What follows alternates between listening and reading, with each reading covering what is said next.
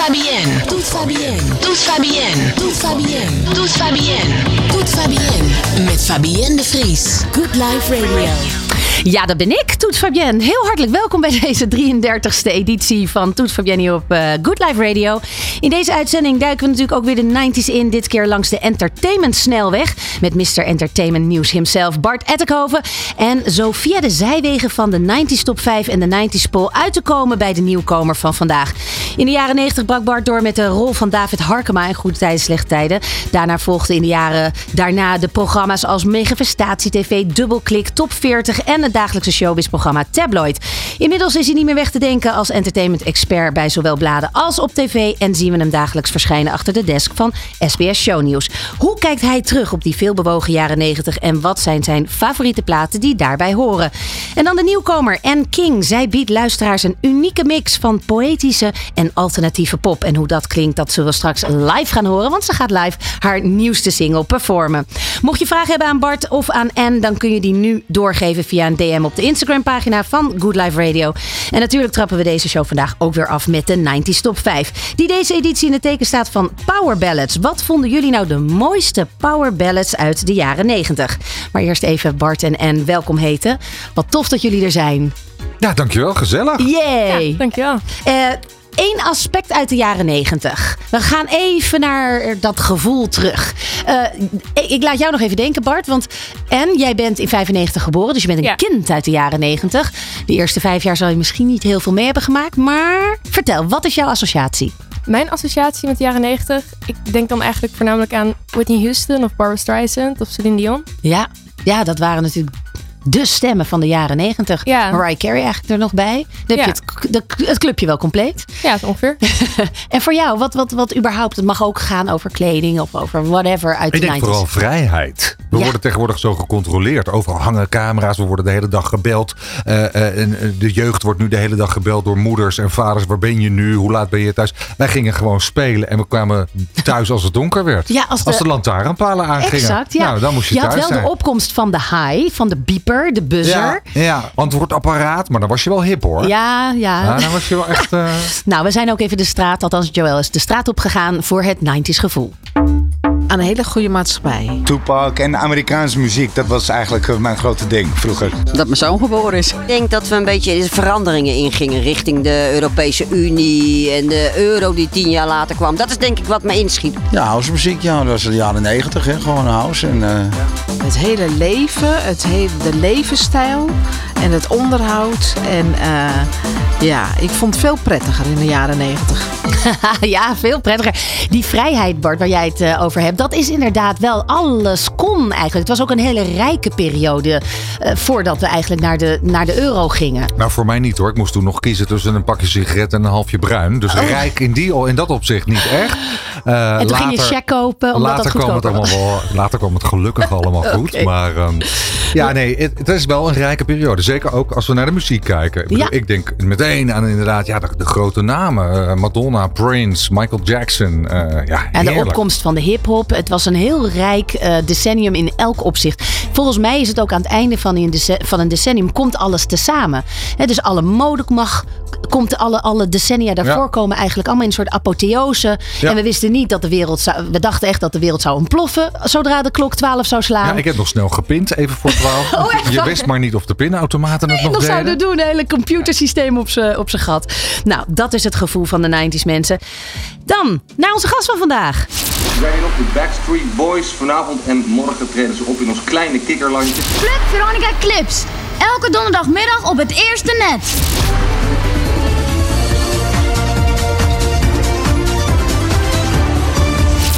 Goede tijden, slechte tijden, een dag die als een nacht verschijnt.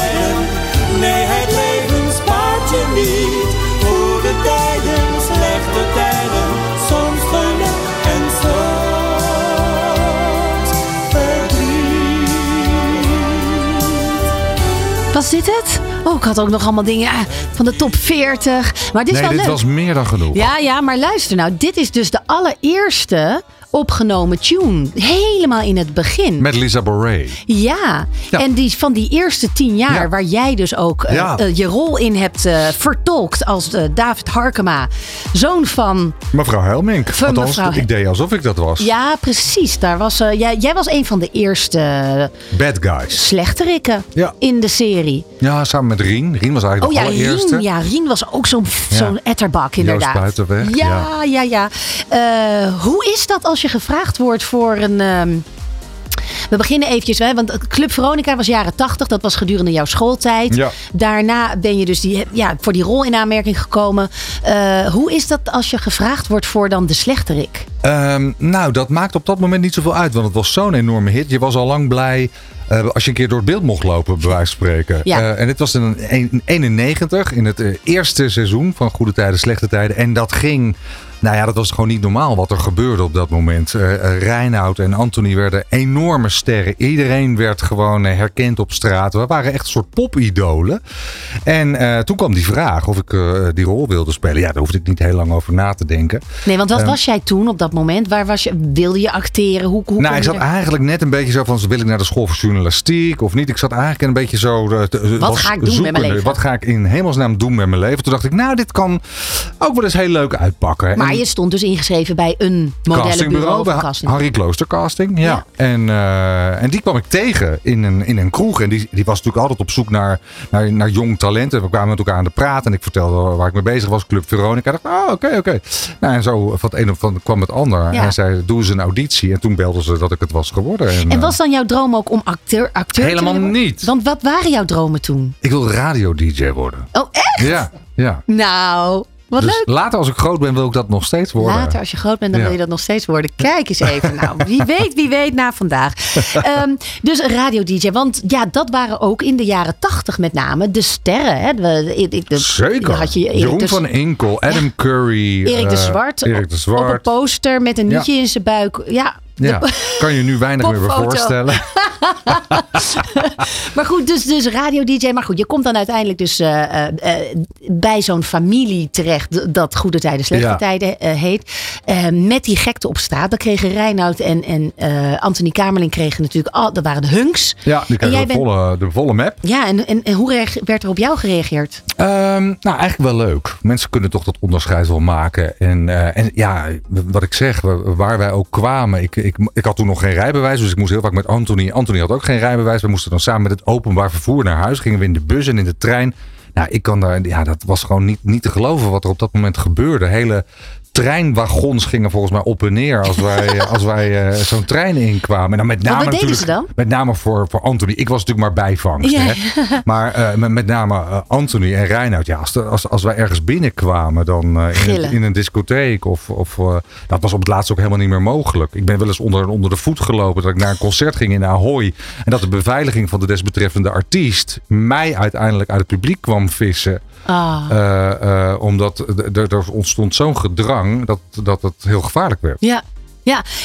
Eh, Hoe heb jij dat ervaren? Dan kom je thuis en dan is de. Hè, ik weet niet of je nog thuis woont of al op ja, jezelf. ik woonde thuis. Ja, en, en dan komt je en zeg je, nou man, heftig werkdagje vandaag. Ja, dat, nou, die- zij vonden het ook wel gek. Want er stonden ineens kinderen in de voor- en in de achtertuin bij ons. En door de heg te gluren. En die stonden aan te bellen. Die wilden handtekeningen. Dus het is een hele rare periode. Ik had het nooit willen missen. Ehm, Heeft het je ego ook gestreeld? Natuurlijk. Ja. Ja. Maar ik was ook wel heel blij dat ik er op een gegeven moment vanaf was. Ja, want, het- want het, vaak Het is, is het wel wel iets verslavends, heeft ja, het? maar ik vond het ook wel heel heftig. En ik, ik vind het toch... Sommige mensen kunnen er beter mee omgaan dan anderen. Ik werd er heel ongemakkelijk van. Hmm. Als ik ergens binnenkwam en inderdaad in een kroeg... en ze begonnen die hele fijne tune van Goede Tijden te, te draaien. Nu zat ik gezellig mee te doen. Maar eh, dan, als je dan zo'n hele kroeg naar jou ziet kijken... dan ik, ik was 19. Ja. Dan, dan heb je het überhaupt... dan weet je zelf nog niet eens wie je bent. Dan ben je dat allemaal nog aan het ontdekken. En, en, en weet je nog helemaal niet waar je in de maatschappij staat. En als iedereen dan naar je... Ja, ik werd daar heel ongemakkelijk van. Ja. ja, want wie was Bart toen als 19-jarige jongen? Nou, dus, dus kennelijk een heel eigenlijk onzekere jongen die, eh, die het allemaal maar overkwam. Ja, ja.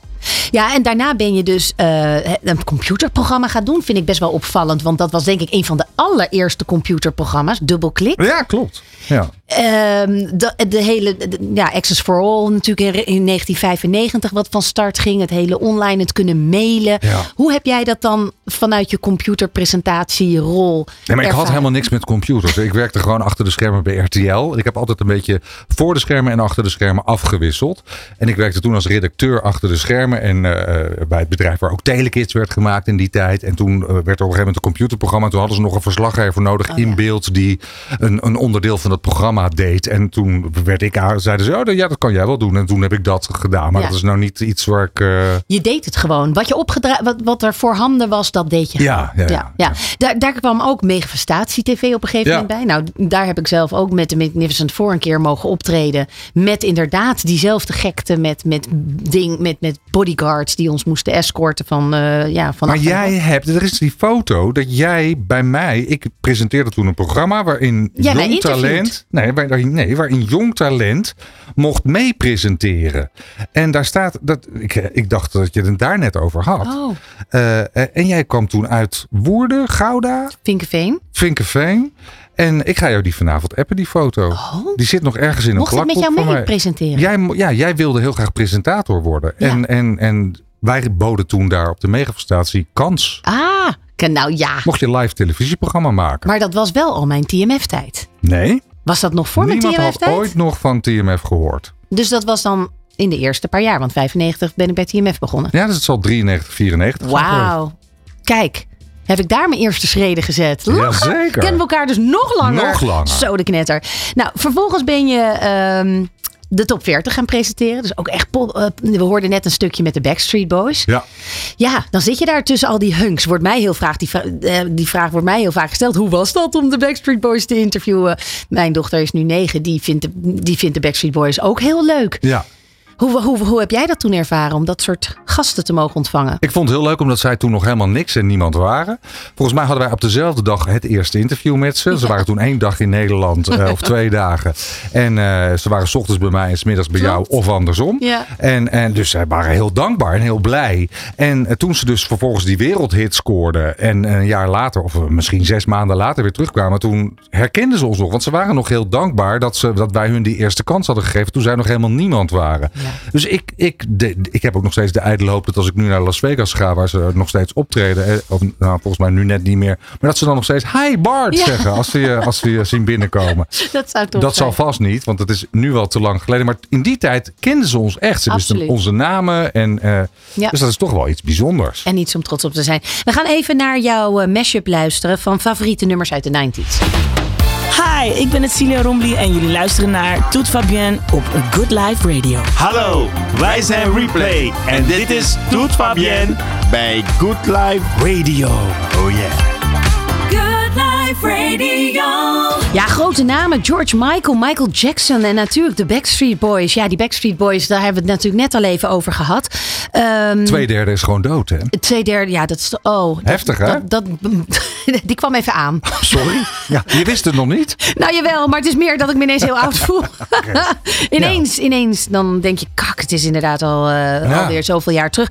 Ehm, ja, eh, grote sterren, gigantische, gigantische wereldsterren. George Michael, Freedom. Waarom was dat voor jou zo'n belangrijk nummer? Nou, ik had meer een, een nummer van George Michael. En toen dacht ik, nou, dan vind ik dit wel, eh, vond ik wel een heel fijn nummer. Maar dit is denk ik de misschien wel beste zanger die ooit op de, op de Absoluut. wereld heeft eh, rondgelopen. Ik heb een paar keer live eh, mogen zien. Gelukkig ben ik heel blij om achteraf. En ehm, ja, zijn verhaal intrigeert mij gewoon. Dat heel lang in de kast zitten. En dan uiteindelijk wel uit de kast komen. Eigenlijk verplicht worden. hè, de, nou ja, die hele bekende scène in Ja. Los Angeles. En vervolgens dat dan ook weer misbruiken met, met, met een nummer. Ja, ik heb daar Ja. alleen maar eigenlijk heel veel bewondering voor. En ik vind het heel treurig om te weten hoe hij eigenlijk de laatste jaren van zijn leven eh, gesleten heeft in, in ja, toch wel heel veel drank- en drugs eh, ellende. Ja, het lijkt wel bijna onvoorkomelijk dat artiesten met die omvang niet toch ook op een of andere manier met. Ja, toch, toch ergens hun heil zoeken in drank en, drank en drugs. Er is bijna Ja. geen één grootheid die niet op die manier ten onder is gegaan. Nou, er zijn er gelukkig ook heel veel voorbeelden van mensen die, die het wel redden. Kijk naar maar Mick Jagger bijvoorbeeld. Ik bedoel, ook wel veel drugs gebruikt en Vast ook wel eens een, eh, een wijntje gedronken. Maar er staat nog wel steeds eh, vier Ja. overeind. Nee, dus er zijn gelukkig ook heel veel voorbeelden dat het wel goed kan gaan. Maar het is gewoon heel heftig. Om zo in de spotlights een wereldberoemd iemand te zijn. Nergens op de wereld een rustige plek te kunnen vinden. Kijk, wij hebben nog het geluk dat als we uit Nederland wegvliegen, dat er geen haan is die naar ons kruidt. En dat, eh, Ja. eh, maar als je echt van wereldfaam bent. Dan, en kan dat niet. Nee. nee. dan word je overal herkend. Freedom was natuurlijk ook, slaat ook mooi op de vrijheid waar het al eerder over had. Michael Jackson, Black or White. Black or White. Ja, daar, dat is ook een, eh, een eh, opvallende keuze. Ja, ik vind het wel opvallend dat hij zo eh, vroeg eigenlijk al eh, die hele maatschappelijke discussie heeft proberen eh, te voeren met ons. Kijk, ik stond daar toen helemaal niet bij stil. Ik stond gewoon heerlijk op dat nummer te dansen en, en, en ik vond het een, ja, een lekkere beat. Ja. Maar ik vind dat toch wel knap om met ter- terugwerkende kracht ook, hè, of je nou een Heal the World of hè, dat hij zich al, de Earth Song, dat hij zich zorgen maakt om het milieu. Daar waren wij toch helemaal niet mee bezig toen in die tijd. Nee. Het is allemaal lang leven de lol. Ach, die mensen die zeuren maar. Ja, we vonden de videoclips wel heel mooi. Ja, Daar keken we dan prachtig. wel naar. Het waren films. Maar de boodschap, eh, die ging langs ons heen. Ja. Ja. en als je dan nu kijkt waar we nu staan, Denk je, zoveel jaar later, dan denk ik, nou, zij waren, al, zij waren iets eerder wakker dan wij. Ja, wat een visionair waren het. Ja, Ehm, als je even, even de, terugkijkt naar de entertainment, want je bent op een gegeven moment ook het, het, eh, het programma met eh, René Vervoorn Tabloid gaan doen. Ja. Een dagelijks eh, shownieuwsprogramma. Ehm, dat doe je nog steeds, een dagelijks shownieuwsprogramma. Als we even die hele periode van de afgelopen jaren nemen. Hoe is dat entertainment nieuws of de entertainment journalistiek veranderd door de jaren heen? Nou, er wordt mij natuurlijk de laatste jaren heel veel gevraagd. eh, is er door de opkomst van de Juice-kanalen wat veranderd? Ehm, nou ja, deels wel. Nou, social ja. media denk ik al in de eerste instantie. In eerste instantie social media. Want vroeger hadden de artiesten ons nog veel meer nodig als ze een plaat wilden pluggen. Of als ze bekend wilden maken dat ze zwanger waren. Of eh, eh, dat het kind geboren was. Ehm, Ging dat en- via een woordvoerder van de platenmaatschappij of het management? Of het management. eh, eh, of ze benaderden onszelf. En tegenwoordig wordt dat allemaal op Instagram gedaan. Op X gedaan. eh, eh, dus wij zijn eigenlijk in dat opzicht eh, niet meer nodig. Dus dat was inderdaad de eerste grote verandering die er wel plaatsvond. Dat ze eigenlijk hun eigen platform konden, konden creëren. En ons niet meer nodig hadden. Of althans in mindere mate. Maar en daarmee nu- ook hun eigen marketing konden doen. Ja. Ashton Kutcher en Demi Moore waren daar echt hele grote voorstanders Ja. van. Die, ging, die hadden echt zoiets van, nou, we gaan wel even zelf vertellen hoe het met ons Ja. gaat. Ja. En dat, en, maar, ja, precies. En dan heb je dus nu de Juice-kanalen die de laatste jaren eh, eh, ja, roet in het eten gooien misschien.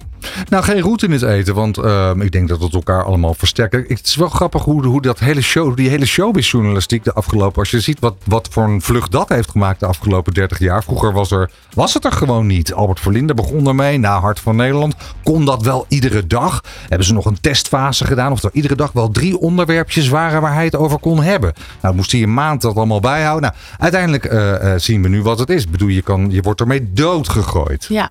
Ja, en het houdt elkaar ook in stand. Wat, eh, Ja. wat, wat, wat, is, wat, wat vind je daarvan? Nou, ik vind soms wel dat, het, eh, dat er te veel eh, zout op de slak wordt gelegd. En dat we wel heel lang doorgaan over dezelfde onderwerpen. Maar ook eigenlijk dat de Juice-kanalen eh, de gewone burger laten participeren en laten meedoen eigenlijk in het hele roddelsegment door, door te klikken. Ja, dat is altijd al wel zo geweest. Want ik heb, we hebben altijd bij Shownieuws ook een tiplijn gehad. En als ik bij de Roddelbladen werkte, werd ik ook regelmatig gebeld met mensen die zeiden...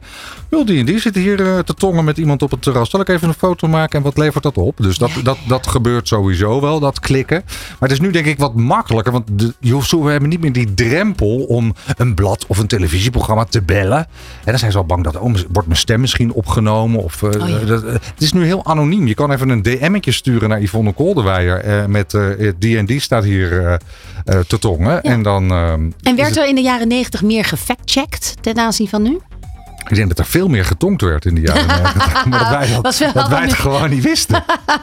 Nee, wat er natuurlijk, eh, er werd er niet meer gefactcheckt. Maar eh, ik denk dat de mobiele telefoon, iedereen heeft tegenwoordig, kan het filmen. Ja. Je kan het bewijs filmen. En, of een foto ervan maken. Dus, en dan is die foto s'avonds in shownews en in Boulevard. En die is overal. Ja. Vreemdgaan ging makkelijker dus in de jaren negentig. Och, meid. Je kon toch met iedereen tongen nog? Kon zonder iedereen. dat iemand het wist. Als jij jezelf nu een advies zou moeten geven aan, aan, de, aan, de, aan de persoon die jij toen was, wat zou dat dan zijn? Hindsight is 2020, zeggen ze wel eens. Als je dan met de blik van nu, met de wetenschap van nu terugkijkt. Maar nog veel meer moeten genieten. Ja? Maar dat heb ik al wel met volle teugen gedaan. Maar ik had het nog meer moeten, moeten uitbuiten. En, eh, Oké, want eh, eh, inderdaad, er was een, er was een vraag binnengekomen. Ehm, even kijken hoor, wat was het nou? Eh, is er een gast of een onderwerp dat je in het bijzonder heeft geraakt in je carrière?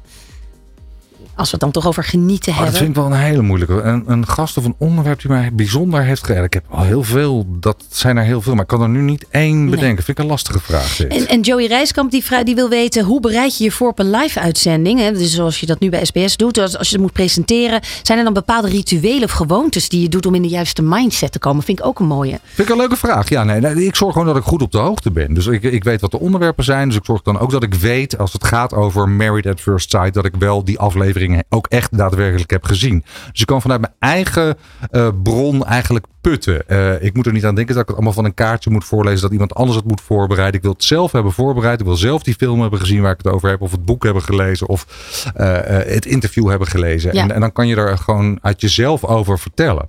Nou moet je ook wel eens dingen vertellen over mensen die wel verdrietig of vervelend of naar zijn. Mensen die je misschien ook uit de, uit de, uit de showbiz kent. Welke mindset moet je hebben eigenlijk als, als je aan, aan die desk aanschuift? Je moet het respectvol doen. En dan maakt het niet zoveel uit of het goed nieuws is of slecht nieuws is. Maar je moet elkaar blijven benaderen met respect. Dat is denk ik het, altijd het, het, het belangrijkste. Ja. En eerlijk zijn. We gaan naar jouw mashup voor jouw all-time favorites. Want die Oh, dat, ik wil, mag ik daar bijvoorbeeld mijn excuus voor aanbieden? Want volgens mij heb ik Anita Meijer er ook in gedaan. ja, daar was ik juist wel blij mee. Let's go.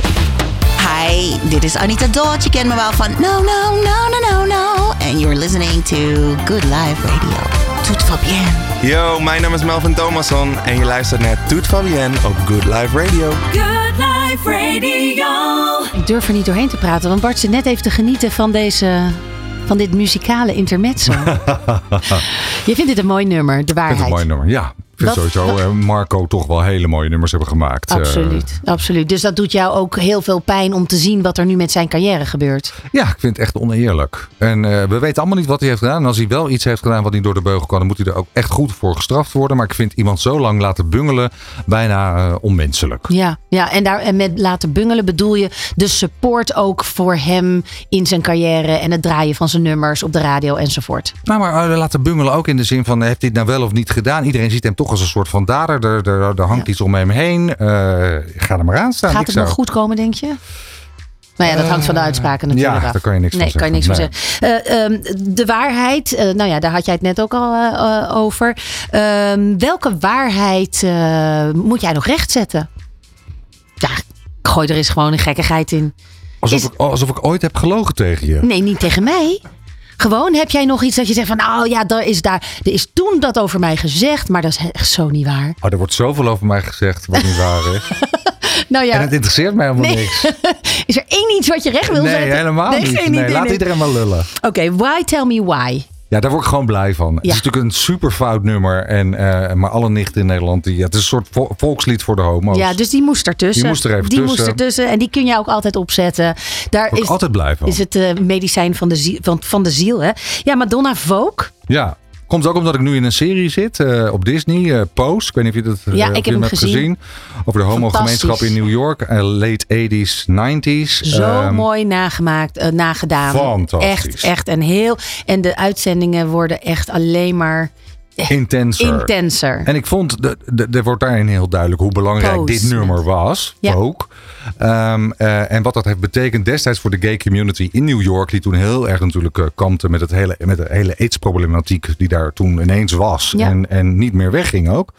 Eh, vooral dat laatste. En ehm, nou, de impact die dat heeft gehad. Dus met terugwerkende kracht. Ik bedoel, sowieso vond ik dat Madonna erin moest. Zij is wel een icoon. Ik heb haar weer in december gezien. Waarschijnlijk voor de laatste keer waanzinnig. Ehm, ik heb haar met liefde anderhalf uur op staan wachten. Ja. Ehm, maar eh, dus met terugwerkende kracht dacht ik, nou, dit is dan wel een, een, een mooi nummer. Ja.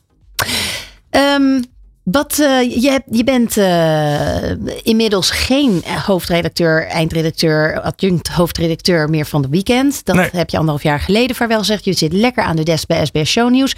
Je gaat alleen nog maar dingen doen die je leuk vindt, zei je voordat de uitzending begon. Zitten Ja. daar nog andere dingen bij? Nou ja, ik vind heel veel dingen leuk, dus dat kan van alles zijn. Ja, misschien radio. En radio, hè? Misschien dus radio. uiteindelijk. Ja, Zit je te genieten? Ja, Zit je te genieten? Ja, ik vind het heerlijk. Oh, goed zo, Leuk. goed zo.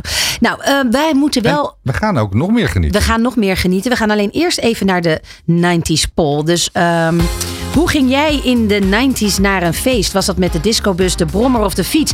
Ja, voor de meeste mensen staat de jaren 90 namelijk voor briljante muziek en veel feesten. Als je vandaag de dag een 90s party zou moeten geven en de ruimte versieren, denk dan aan Gravity, Glow in the Dark, sterren, retro gamehoeken, fluoriserende kleurensticks. En dan had je natuurlijk ook nog het vervoer van en naar die parties. Nou, door het vele drugsgebruik was één ding duidelijk. Niemand wilde of kon überhaupt de Bob zijn. En zo ontstond er de uitgaansbus, de partybus of de discobus. Oftewel de parties on the road. En ze bestaan nog steeds. Disco- en partyvervoer dat busreizen aanbiedt naar allerhande uitgaansgelegenheden. Discotheken, festivals, evenementen, noem maar op. Vooral in Midden- en Zuid-Nederland. Zuidoost-Nederland. Nou, dit loopt echt van... Misschien ken je hem nog, Time Out. De Ja. Time Out Ja, in Gemert. Het Oktoberfest, mega piratenfestijn. Eh, Nou, ook zelfs naar Düsseldorf gaat die bus overal. De bussen waren compleet verbouwd tot feestbus. Met geluidsinstallaties die soms harder en zuiverder kl- klonken dan eh, menig discotheek. Waar het feest in de bus al in volle gang is. En ook de sfeer discoverlichting zorgde ervoor dat niemand stil kon blijven zitten. Wat best jammer was, want dat waren van die lange zitjes. Ze hadden van die viertjes gemaakt. Niemand netjes achter elkaar, maar lekker naast elkaar. Dus zodat je in de middenruimte ook kon dansen. In bijna iedere bus zit wel draadloze microfoon, zodat je ook lekker, eh, lekker mee kon lallen. Non-alcoholische drankjes voor degene die drugs gebruikte. En alcoholische drankjes voor die andere groep. Het voorprogramma kon en kan beginnen, want de party starts on the road. Nou, of daar veel mensen die wij gevraagd hebben op straat gebruik van hebben gemaakt of nog steeds doen, dat hoor je nu. De fiets. Want ik woonde in Amsterdam, was makkelijk. De fiets. Fiets. In de jaren 90, stel dat je nou, eh, nou ja, vanuit de discotheek kwam, pak dan liever de discobus, de brommer of de fiets. Ik heb altijd voor ogen gehad dat als ik gedronken heb, moet ik het of kunnen lopen, of ik blijf in de kroeg hangen. De fiets, denk ik. De brommer. Dan gaan we voor de fiets. Fiets. Ja, sportieve, een beetje... Nou ja, ni- niet veel mensen uit de 90s denk ik gevraagd. Of misschien dat we vanuit Hilversum ook een ander beeld krijgen. Want de discobus heeft eh, uiteindelijk maar 3,5% gescoord. Dat iemand gebruik maakte van de discobus. Eh, de poll is gewonnen door de fiets. Ja, met eh 63,5 procent. Nog altijd met de fiets. Hoe ging jij naar de feestjes? Ook op de fiets? Ja. ja. Ja, ik ging eigenlijk altijd met een taxi. Vond ik veiliger. Luxe poes. Ja. Toen ja, al. Ik werkte bij TMF. Ging hartstikke goed met mij in die tijd. goed, tot zover de poll van deze week. We gaan eh, naar onze nieuwkomer. What did your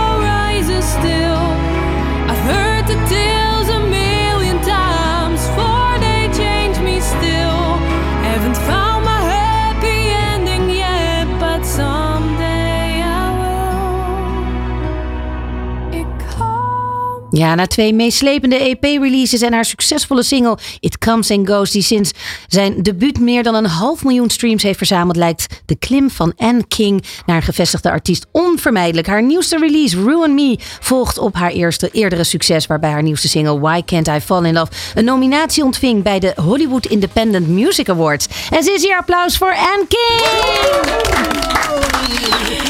Ja, je bent een lekkere Haagse. En, en Annemarie. Officieel, maar voor ons en King. En ik vind dat je, eh, je. Je komt al zo internationaal over. Toen, welkom. Toen ik jou uitnodigde, zei ja, sorry, ik ben een tekst aan het schrijven in Londen. Ja, sorry. In, in, op je videoclip zie je volgens mij Los Angeles op de achtergrond. Ja, of op klopt. jouw eh, foto's en, Ja. en alles. Je, het is gewoon, je pakt het gewoon gelijk groots aan. Ja, waarom niet hè? I love it. I love it. Gewoon groot denken. Maar wie is Anne King? Ja. Je bent hoe oud? 28. 28. En sinds wanneer maak jij muziek? Sinds ik 15 ben, zeg maar echt zelfstandig soort van. Mhm. Ehm, als een band. En daarvoor zat ik in musicals met name en dan jeugdtheater. Ja, je hebt dus. En eh, dat, want je kom je uit een muzikale familie. Nee. Totaal niet? Nee. Er was wel heel veel liefde voor muziek. Als in er werd veel muziek gedraaid.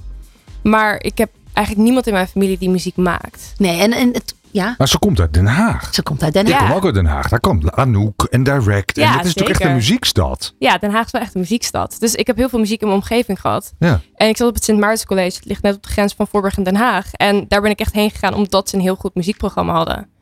En ja. En daar ben je gewoon gezien en gehoord. En toen had je de smaak te pakken. Ja, zeker. En hoe pak je het dan verder aan? Want je zegt vanaf mijn 16, 15e ben je ook zelf gaan schrijven Ja. en produceren. Dat is nogal technisch. Ja. Dat was jij dus. Ja, dus in eerste instantie gewoon zelf veel schrijven. En ehm, toen mijn eerste EP direct na de middelbare school gemaakt. Ehm, met eh, Robin van Loenen en Nick Jongejan. En Nick liep eigenlijk stage bij hem. En het klikte tussen mij en Nick heel goed. En daar maak ik nu nog steeds muziek mee. Tien jaar later. Dus, eh, Mooi, mooie samenwerking. Succesvol. Ehm, en Robin die kwam toen net ook uit de band Destine. Wat heel succesvol was geweest. En ging net als producer zeg maar echt aan de slag. Ja. Ehm, en had ons de mogelijkheid gegeven om dan elke zondag zijn studio te gebruiken. En anderhalf jaar lang eigenlijk met z'n tweeën in de studio. Dus Nick en ik. ehm, een eerste EP op te nemen. Wat voor ons allebei de eerste was. Ja. En toen noemde ik mezelf nog Annemarie. Ja, Anne-Marie. Ja. en ehm, toen bracht ik mijn eerste EP uit. En toen kwam dat per ongeluk onder Anne-Marie van Rockabye. Oh. Want die had net haar eerste single uitgebracht. En Spotify had het daar dus onder geplaatst. Toen kreeg ik een hele boze mail van haar management binnen. Oh my god. Met dat het per direct offline moest. En eh, dat was ook, toen kon je nog niet echt je artiestenprofiel heel makkelijk claimen online. Dus ik kon er ook echt niks aan doen. Het was een fout van Spotify. Maar in één nacht zaten er 100.000 streams op. En ehm, toen werd ik gebeld door BBC Introducing met of ik niet een toertje in Londen wilde doen met Sophie and the Giant. Zo. Ehm, en nu zijn zij heel groot, toen niet. En dat was toen gewoon zeg maar kleine soort van showcases die ze in Londen deden. En ze hadden niet gecheckt dat ik uit Londen kwam of niet. Dus ik kwam daar aan. En toen hadden ze zoiets van, oh. Oh, je bent jij- Nederlands. Jij, jij woont hier niet. En toen ik, ja, maar nou sta ik op de poster. Ehm, dus ik was met mijn band met de Flixbus daar woep, heen gegaan. Geweldig. Ehm, en eh, daar wat showtjes gespeeld. En dat was heel leuk. En ehm, vervolgens nog wat singles uitgebracht zelf als Anne Mary. Want ik dacht, als we dan er één N van maken met een Y aan het einde, dan is het geen Annemarie meer. En dan zit haar management ook niet meer helemaal in mijn nek. Nee. Ehm, en toen nog bij eh 3FM de laatste single gedaan. Dat was Lucky Penny met de elevator pitch. Live opgetreden. En toen waren er toch wel echt te veel raakvlakken tussen zeg maar dat mijn muziek telkens onder haar profiel terecht kwam. En al het hele gedoe dat ze ja, die naam eigenlijk niet heel leuk vonden. En toen dacht ik, toen ik nieuwe muziek ging maken en daar was ik al mee bezig, van nou dan beginnen we helemaal opnieuw. Ja. En toen kwam En King. En waar komt King dan vandaan? Vind ik gewoon echt een hele toffe naam. Ja. Ja. en heel veel meer motivatie is ook niet nodig voor een naam. Vind ik gewoon tof. Ja, en Carol King vind ik ook echt een, Oh, een fantastische songwriter. Daar ben ik groot fan van. Ehm, en ja, ik vind King gewoon stoer. Dus ik Ja. van, ja, dat wil ik. Powerful, toch? Klinkt Ja. heel machtig. Dat, ja. Dus toen dacht ik, nou ja, dat zijn goede schoenen om te vullen. Jouw muziek eh, eh, is enerzijds he- heel kwetsbaar. Als ik ook naar je Mhm. videoclips kijk, het- zit daar heel veel romantiek. Ook weer dat hele softe, beetje in van die veldbloem, eh, weilanden. Ja. En, en, en nou, dus ergens romantisch. Tegelijkertijd loop je daar heel stoer doorheen. Dus heel Mhm. krachtig. Je, je songteksten gaan ook van, van krachtig naar heel kwetsbaar. Mhm. Ehm, hoe, wat gebeurt er in jouw hoofd? Wat gebeurt er in mijn hoofd? ja, dat vraag ik me ook dagelijks af. Ehm, nee, ik, eh, ja, ik ben een groot fan van poëzie. Altijd al geweest. En Emily Dickinson is voor mij een hele grote inspiratie. Ehm, en daarnaast alle... eh, ik heb heel veel klassieke literatuur gelezen die ik heel fascinerend vind. Dus bijvoorbeeld de Bronte Sisters in Haworth in Engeland. Ehm, dat is ook waar Side Effects door geïnspireerd is. Waar je net eh, ja, zelf wat mijn over- favoriet eh, van jou is. Ja. ja, dus ehm, het boek Withering Heights, toen ik dat voor het eerst las, na aanleiding eigenlijk van dat Emily Dickinson het noemt als een van haar inspiraties. Ehm, dat, ja, Is ook geen, blew licht, my mind. is ook geen licht. Ja, ik heb de film gezien. Geen lichte film ook. Nou, ik heb de film dus niet gezien, maar specifiek omdat ik het boek zo goed vond en zo'n, zeg maar, beeld in mijn hoofd dat ik zoiets had van, ja, ik, ik denk niet dat ik hier een ander beeld bij wil. Nee. Ehm, het nummer natuurlijk wel gehoord, Withering Heights van Kate Bush, wat daarna weer een hele, nou ja, oploop kreeg. En, en de, de, het is ook opvallend dat jij voor bijna alle nummers een videoclip hebt. Want heel, hebt, Ja. want heel veel mensen maken geen videoclips meer. Wa- waarom hang jij zo aan videoclips? Nou, ten eerste, ik direct en edit ze allemaal zelf. Um, en dat vind ik heel tof. Uh, ik ben voor mezelf creatief ingesteld. Naast het feit dat ik dus heel graag mijn eigen muziek schrijf en produceer, um, edit ik dus ook mijn eigen videoclips en direct ik die. Ook al tien jaar met dezelfde jongen, die toevallig Marcel Overwijn heet. En dat Ja. is mijn achternaam, dat we elkaar per ongeluk tegenkwamen. Zo, dat is toevallig. Ja heel, ja, heel toevallig. Ik probeerde de neef van mijn vader toe te voegen op Facebook en dat was verkeerd. Oh nee. En ehm, vervolgens zag ik op zijn profiel, want ik zat toen ook op de kunstacademie net, ehm, dat hij ook op de kunstacademie zat, maar dan in Utrecht. En hij maakte met een anamorfische lens die hij zelf had gebouwd, maakte die videoclips. Dus ik had hem een bericht gestuurd met, hey, ik heb ongeluk toegevoegd, maar ik vind dit echt heel tof. En dit wil ik heel graag doen. Zou je met mij videoclips willen maken? En toen zei hij, ja, moet je wel zelf editen, want dat eh, doe ik niet. Dus van, nou, let's go. En nu ik zijn vind het wel mooi hoe er van, nu al in jouw jonge carrière al zoveel mooie toevalligheden die zo goed dat dat kwartje zo de juiste kant op rolt. Vind ik ja, fijn hè? Mooi om te, mooi om te merken en te horen.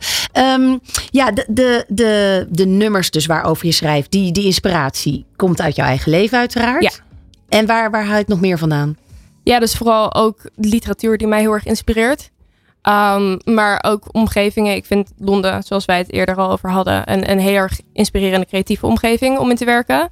Um, en van de zomer was ik dan in LA. Um, wat eigenlijk in eerste instantie niet de bedoeling was. maar uiteindelijk heel goed uitpakte. Want Ruin Me, mijn laatste single, gaat over de Club of 27. En eigenlijk mijn eigen frustratie met dat we dat zo romantiseren. Want 27 is echt heel jong. Ja, de Club of Ja. 27 gaat over de artiesten die op die leeftijd, of filmacteurs die op die leeftijd dus overlijden. overlijden. Ja. ja. Ja. En jij bent 28. Heb Ja. jij in dat jaar ook dan een soort van identiteitsmoment gehad? Nou, grappig genoeg heb ik dus dat nummer geschreven in de week dat ik 28 werd in Londen. En ik zat op dat moment in de studio om vijf uur 's ochtends. En ik had de hele dag al gewerkt en ik was doodmoe. En toen dacht ik, waarom, waarom zit ik hier? Dit, dit was echt onnodig. Hmm. Um, en toen kwam eigenlijk het refrein van Ruin Me eruit in die sessie. En toen ik zoiets van, wat zit hier onderliggend achter? Toen had ik een gesprek met de producer met wie ik het aan het schrijven was. Luc, met wie ik ook Side Effects heb geschreven. Een goede vriend van mij. En toen hadden we het eigenlijk allebei over onze frustratie dat dat dus zo geromantiseerd wordt. Terwijl als je de documentaire van Amy Winehouse kijkt. Um, en Er ze is hebben- niks romantisch aan. Nee, en zij wonen naast Primrose Hill. En ik heb ook een nummer over Primrose Hill geschreven. En telkens als ik er zit, denk ik, ja, het feit dat je hier, zeg maar, zo ten onder gegaan bent, terwijl mensen eigenlijk toekeken, dat ja, vind ik gewoon heel sneu. Ja. Hoe ga jij dat voorkomen als je straks heel succesvol bent? Dat is tot nu toe nog niet heel erg gebeurd, maar... nou, ik zou wel zeggen, want je wordt al opgenomen ook in allerlei, eh, in de koffiehuislijst, Stay Tuned lijst van Spotify. Dus je gaat mee eh, op, de, op de lift van toch wel nummers Ja. die goed in het gehoor liggen. Ja, ik probeer. Ja, ik vind dus mijn omgeving en vrienden en familie en, en ja, de dingen waar ik waarde aan hecht zijn niet zozeer, nou ja, drugs en drank, zeg maar. Um, en ik ben ook niet een, een onwijze persoon Party. die uitgaat. zeg maar, ik zit echt het liefst thuis met een boek. Oh ja. Um, en ik vind het heel erg leuk om, om feestjes te hebben met vrienden en, en mensen met passie. En, maar een, een club kom ik niet heel vaak. Wat is jouw artistieke stip op de horizon? Mijn artistieke stip op de horizon. Ehm, ik zou het echt heel tof vinden om een show in Paradiso uit te kunnen verkopen. En dat het publiek mijn lyrics naar mij terugzingt. Ja. Dat zou voor mij echt een highlight zijn. Snap. Ehm, En ja, het zien dat mensen nu dus video's maken met mijn muziek op TikTok. Komt dat nu dan vooral heel veel voor. En dat ze daar berichten over sturen. Dat de lyrics hen heel erg raken. Ja, dat zijn dingen die ik gewoon heel bijzonder vind. Omdat literatuur mij zo onwijs raakt. Ja. Ehm, Hoe ja. komt het dat dat de literatuur zo raakt? Wat is dat? Ja, ik ben vanaf jongs af aan altijd heel erg een, een ja, leespersoon geweest. Ja. Dus voor mij was het eerste boek toen ik echt op drie zat, wat, dat mij echt zeg maar raakte, was Mathilda van Ronald Dahl. En daarna is het eigenlijk nooit meer opgehouden met lezen. Hm. Dus ja. Wat ook nog een mooie, wat een mooi eh, weetje is, is dat eh, ehm, is het Pim. De, de- die videoclip waarin je door, dat, eh, door die tuin loopt. Primrose Hill? Pim, ja, Primrose Hill. Hill Primro- Vind ik dus een bekkenbreker. Brekker. Ja, ja. Daar zit een mooi verhaal achter met jouw grootouders. Ja, dus dat is opgenomen tijdens ehm, nou ja, de corona-pandemie. En toen konden we natuurlijk niet naar Primrose Hill. Want, nou ja, alles was dicht. Ja. Ehm, en toen heb ik het opgenomen in Klingendaal. En ik ben zelf opgegroeid eh, natuurlijk in Den Haag. En mijn opa en oma woonden naast Klingendaal. Dus het rondje dat ik in die videoclip loop... is exact het rondje dat ik altijd met hun liep. Het was ook nooit een ander rondje. Het was altijd datzelfde rondje. Ehm, en Primrose Hill heb ik eigenlijk geschreven aan zeg maar mijn 20-jarige zelf. Toen ik voor het eerst naar Londen ging om daar shows te spelen. En het gewoon allemaal heel heftig overkwam, soort van. Dat je echt wel gewoon een andere wereld binnenstapt en denkt, oeh, waar ben ik aan begonnen? Tot ik eigenlijk mezelf een soort van advies had willen geven. En dus met mezelf dat rondje zou willen lopen. Ja. Ehm, ja. Nou heb je ook nog een jaartje Rock Academie geloof ik gedaan? Ja. En dat in combinatie met de romantiek. Volgens mij, dat, wat, wat neem je mee uit die, van die Rock Academie? Wat neem ik mee van de Rock Academie? Ehm, nou, ik vond het heel inspirerend dat dus iedereen in je omgeving dan net zo, zeg maar, veel passie heeft voor muziek als jij. Dat Ja. was eigenlijk voor mij de eerste keer dat mensen niet zeiden, oef, maak jij muziek? Weet je dat wel zeker? Maar dat iedereen zei, oh, je maakt ook muziek. Dat, dat is zeg maar hetgene wat, wat ik er eigenlijk wel nog steeds heel inspirerend aan vind. Ja, we gaan eh, naar jou luisteren, naar Ruin Me. Ehm, Ja, ik, mensen, eh, ik zou zeggen, zoek erop, eh ga er volgen. Ik denk dat we nog ontzettend veel van jou gaan horen. En ook doordat je dat dan nu weet, dat het je gaat opvallen in de Spotify-lijsten. Je hebt een hele mooie, herkenbare stem ook in dat opzicht. Dus ga lekker staan voor die... ik, ga, ik was bezig al een beetje vol te praten. Ik zou zeggen, ga lekker bij die microfoon staan. De zangmicrofoon. Ja, we hebben hier in de studio een praatmicrofoon en een zangmicrofoon. En we gaan dus luisteren naar ons nieuwkomer van vandaag. Ehm, haar nieuwste single heet Ruin Me. Ik zou zeggen applaus voor Anne King. crimson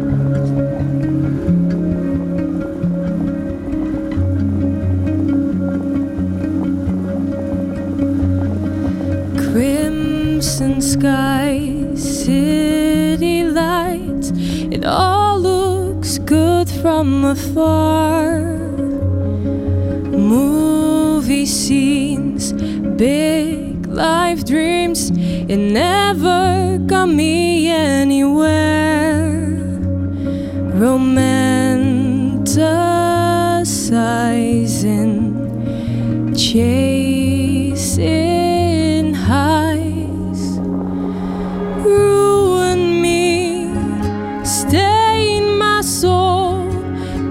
give me love, watch me fall, drowning in the city lights. Promise me there's more to life. I gave up my sanity for heartbreak and melodies. Used to find beauty in the rain, but the seasons don't fit the same. These past few months, the seams came undone.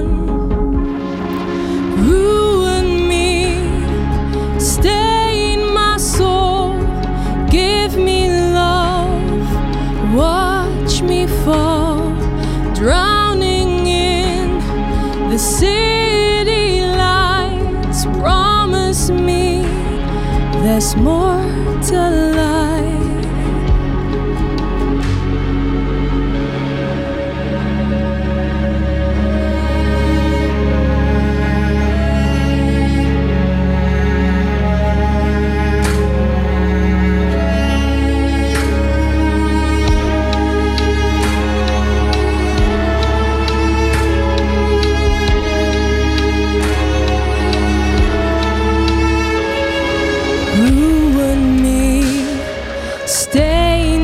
Soul. Watch while I lose it all as I burn myself into the ground. You praise me for treading holy ground. Ruin me. Stay in my soul. Watch while I lose it all as I fly too close to the flames. You trade my life for eternal fame. Crimson skies, city lights, it never good from afar. Wow. Zo mooi. Wauw.